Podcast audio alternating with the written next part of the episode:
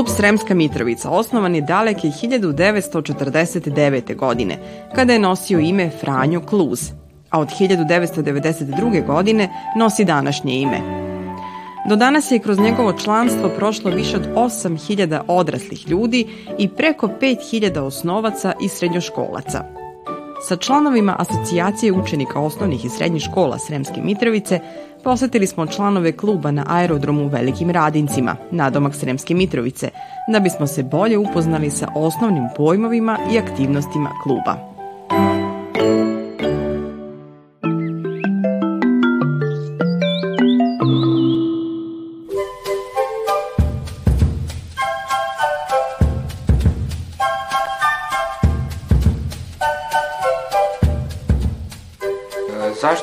Što je teže od vazduha može da leti?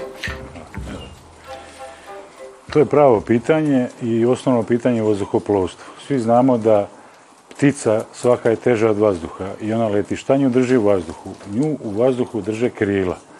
Ono što je osnovno, ja ću vam pokazati malo na ovom modelu, e, su krila ta što nešto što je teže od vazduha omogućava mu da leti. E, ono što je potrebno prvo da pogledamo presek krila primetit ćete da je donji deo krila ravan, a gornji deo krila zaobljen.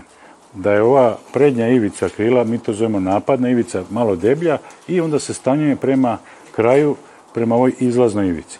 Kada vazduh, to vam je čista fizika, kada vazduh obstrujava oko krila, eh, on, ova napadna ivica seče vazduh i on eh, prolazi sa obe strane krila. Pošto je dole ravna, uglavnom ravna površina, a ovde je zaobljena, ovoj gornjom stranom krila vazduh prelazi duži put i mora da ide brže.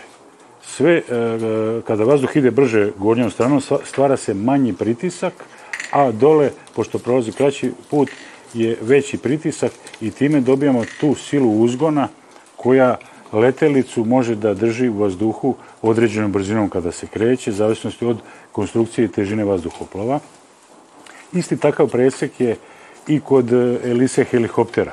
Znači isto ona kad brzo onako vrti, seče vazduh, dobija se ta sila uzgona koja može sav taj teret e, vazduhoplov zajedno sa posadom i teretom da podigne u vazduh i da tako nešto što je teže od vazduha može da leti. To smo sve naučili gledajući ptice. Od kojih materijala se prave avioni i letelice? Avioni i jedrilice se prave od raznih materijala, prvo bih spomenuo drvo. Znači, vi dan danas imate jedrilice konstruisane od drveta koje se preslače određenim impregniranim platnom. Isto tako od nekih metalnih elemenata, to se koriste legure laganih metala, odnosno materijala.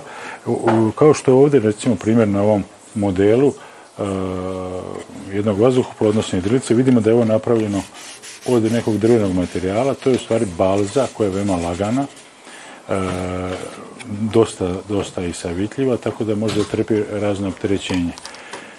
U konstrukciji e, aviona i jedrilica veoma je zastupljena danas i plastika, odnosno kompozitna plastika impregrirana, gde su danas recimo nove jedrilice koje se prave od te plastike veoma izdržljive, imaju veoma dobru finesu. E, tako da vi sa tim jedrilicama možete da doletite na, na, na velike udaljenosti, odnosno distance. Šta znači finesa? Finesa vam je, onako najprostije rečeno, kada se jedrilica nalazi na visini od 1000 metara, ona može da doleti određen broj kilometara u mirnoj atmosferi gde ne može da budete onih usponih strujanja i recimo ove školsko-trenažne jedrilice imaju, naša, imaju finesu 28.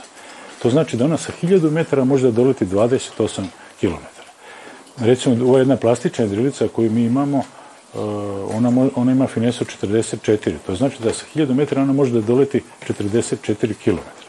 Takva jedna jedrilica sa recimo 3000 metara visine može da doleti preko 130 km i vi sad možete prilike da pretpostavite da kako mi u stvari sa jedrilicama koje nemaju motor, nemaju znači pogon, kako mi možemo da dostignemo te neke uh, ovaj, uh, daljine Svi nam se uvek čude kako to nema motor, a, a, a, može da preleti 100, 200, 300 km.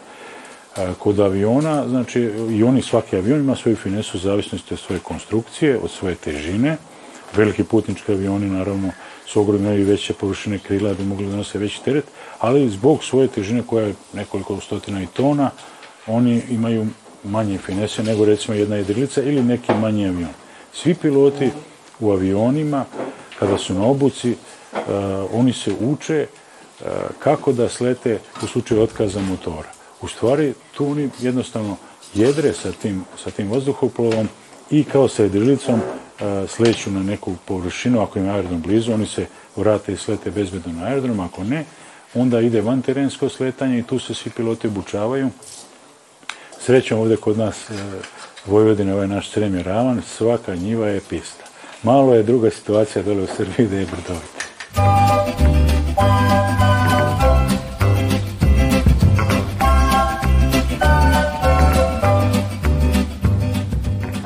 Raketno modelarstvo?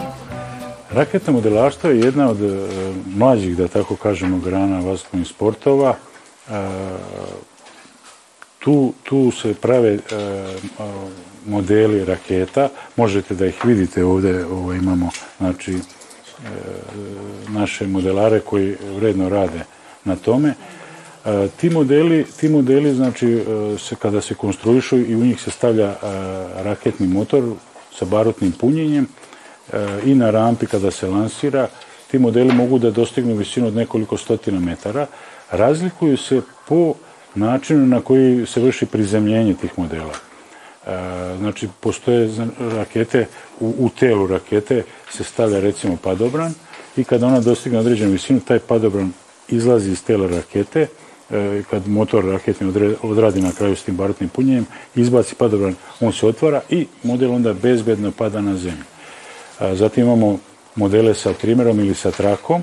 Znači imamo jednu traku koja je smotana u model i kada ona ovaj, e, dođe do kraja leta raketa, e, izbaci se ta traka i tako pada. Ono što je, e, tako se prizemlje bezbedno. Ono što je posebno interesantno svima, to su recimo raketoplani ili žirokopteri. E, žirokopteri, e, tu imate onako konstrukciju kao kod elise helikoptera i kada raketa dostigne svoju maksimalnu visinu, izbaci se taj žirokopter koji na jednom koncu e, ili konopčiću bude zakačen za raketu i on se otvori, rasklopi i počne da vrti kao helikopter, što vrti svoje lice i tako se bezbedno spušta na zemlju. Raketoplani mogu da budu i upravljivi, znači kada se raketoplan lansira do neke visine, on se kao i ovaj model, na primjer, ovaj, krila budu ovako složena, ona se rasklope i e, vi dalje sa njim možete sa e, radio uređajem da upravljate. Znači i da letite e, kao sa bilo kojim drugim vazduhoplovom gde želite da ga usmerite. Cilj e, svih tih takmičenja jeste da vaš e, model što duže bude u vazduhu i naravno on mora da ostane čitav, ne sme nešto da otpadne, da, da se polomi ili nešto, mora znači bezbedno da se prizemlji. Takođe sa tim upravljanjem raketoplanima imamo takmičenja gde se označi jedno polje kao mali aerodromčić ili pista na, na polju gde su oni dužni da slete u to polje i ko bude najprecizniji dobija najviše bodova, gde se dodaje to i dužini tog leta da bi se ostvario što bolji rezultat i naravno svima je cilj da budu najbolji, da budu prvi. Šta je aviomodelarstvo? Aviomodelarstvo je jedan, jedna od grana vazdušnih sportova e, i to znači kada se prave modeli kao što je ovaj recimo, gde se prave modeli malih aviona ili jedrilica i e, oni služe znači za učešće na tim e, takmi, vazduhoplovnim takmičenjima u vazduhoplovnom modelarstvu. Aviomodelarstvo preciznije nazivamo vazduhoplovno modelarstvo i e, mi u Srbiji imamo nekoliko takmičenja u toku godine. Imamo lige na nivou Srbije gde učestvuju sa razno raznim ovaj, e, vrstama modela. Da imamo velike jedrilice koje se vuku na sajlu, e, mogu da postignu visinu od možda stotinak i više metara i kada se otkače one kreću da kruže i da jedre, mogu da ostanu ako je tako vreme i zahvati ih uspono vazdušno strujanje ili termika satima. E, takmičar mora da vrati svoj model jer u njega uložio mnogo vremena da bi ga napravio, truda, e, mnogo i novaca jer to e, su veoma lagani materijali koje nije baš lako ni nabaviti ali desi se ponekad na nekim takmičenjima, meni se jednom desilo da je vetar odne model i da nisam mogao da ga nađem. Otišao je ko zna koliko desetina kilometara dalje od polazne tačke.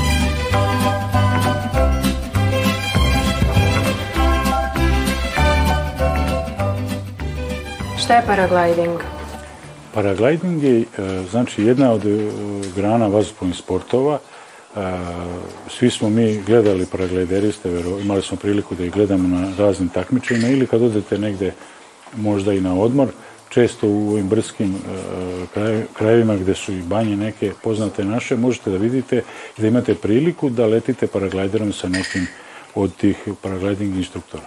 Paraglider je znači kao jedno veliko krilo, da ne kažem veliki padobran, koji može da nosi teret e, e, samog, samog paraglideriste, odnosno osobe koja želi da leti i e, određenu opremu. Sa paragliderom kao i sa jedrilicom vi možete da radite i prelete, znači da letite na neke dalje distance i po par stotina kilometara, E, zatim možete, možete ovaj, postoje takmičenje u preciznom sletanju sa paragliderom, gde e, paraglideristi kada postignu određenu visinu, cilj im je znači da se spuste na jednu tačku i e, to su otprilike mogućnosti da vi možete na jedan dinar koji stoji negde na, na polju da, da precizno sletite upravljajući sa paragliderom. Ono što je specifično recimo ovaj, da ste tu dosta blizu osjećaju koji, e, kako da kažem, slobodnog letenja, tu je nešto blizu imitacije leta ptice, tako da, da je izuzetan, izuzetan osjećaj i iskustvo. Dešava se često našim paraglideristima da kada lete, pored njih lete i ptice, orlovi i druge. Slušali smo i gledali u recimo Južnoj Americi se dešavalo da kondori e, na, pokušaju da ih napadnu i da im pocepaju te para, paraglidere. Svakako svaki paragliderista ima i padobran spasilački sa sobom. Šta je jedriličarstvo? Jedriličarstvo je jedna od grana vazdušnih sportova i e, jedriličarstvo mi obično nazivamo kraljicom vazdušnih sportova zato što smo tu najbliže imitaciji leta ptica. U jedrilici, e, vi ste tu u kabini, imate i padobran sa sobom, ona je tako konstruisana i sedište u jedrilici da, da o, padobran služi kao naslon kada sednete. A, Vi kada letite jedrilicom, ona nema motor, e, nema buke, nema, ne, e, samo čujete šuštanje i zviždanje vazduha oko, koji obstrujava oko krila i možete e, jedreći, odnosno koristeći te uspone vazdušne struje da postignete velike visine. Mi obično letimo negde od e, 1000 do 3000 metara. Preko 3500 metara vi morate da imate kiseoničku opremu, jer je preko 3000 3500 metara vazduh toliko redak da ne možemo da, da normalno dišemo, odnosno posle nekog perioda e, moglo bi se desiti da se neko onesvesti. E, sa, sa jedrilicama, kada dođete do određene visine, možete da idete na prelete, e, tako da možete da poletite u velikim radincima pre podne, a da popodne sletite negde u Leskovcu ili Nišu. Svetski rekordi u, u visini sa jedrilicom su oko 15.000, 15.500 metara. Naravno, to su bile posebno konstruisane jedrilice sa kabinom pod pritiskom i kiseonikom, a, da mogu da izdržati te neke ekstremne uslove na velikim visinama, a preleti su- mogu da idu i preko 1000 km. I vi jednostavno u jedrilici uživate e, u panorami kao ptice.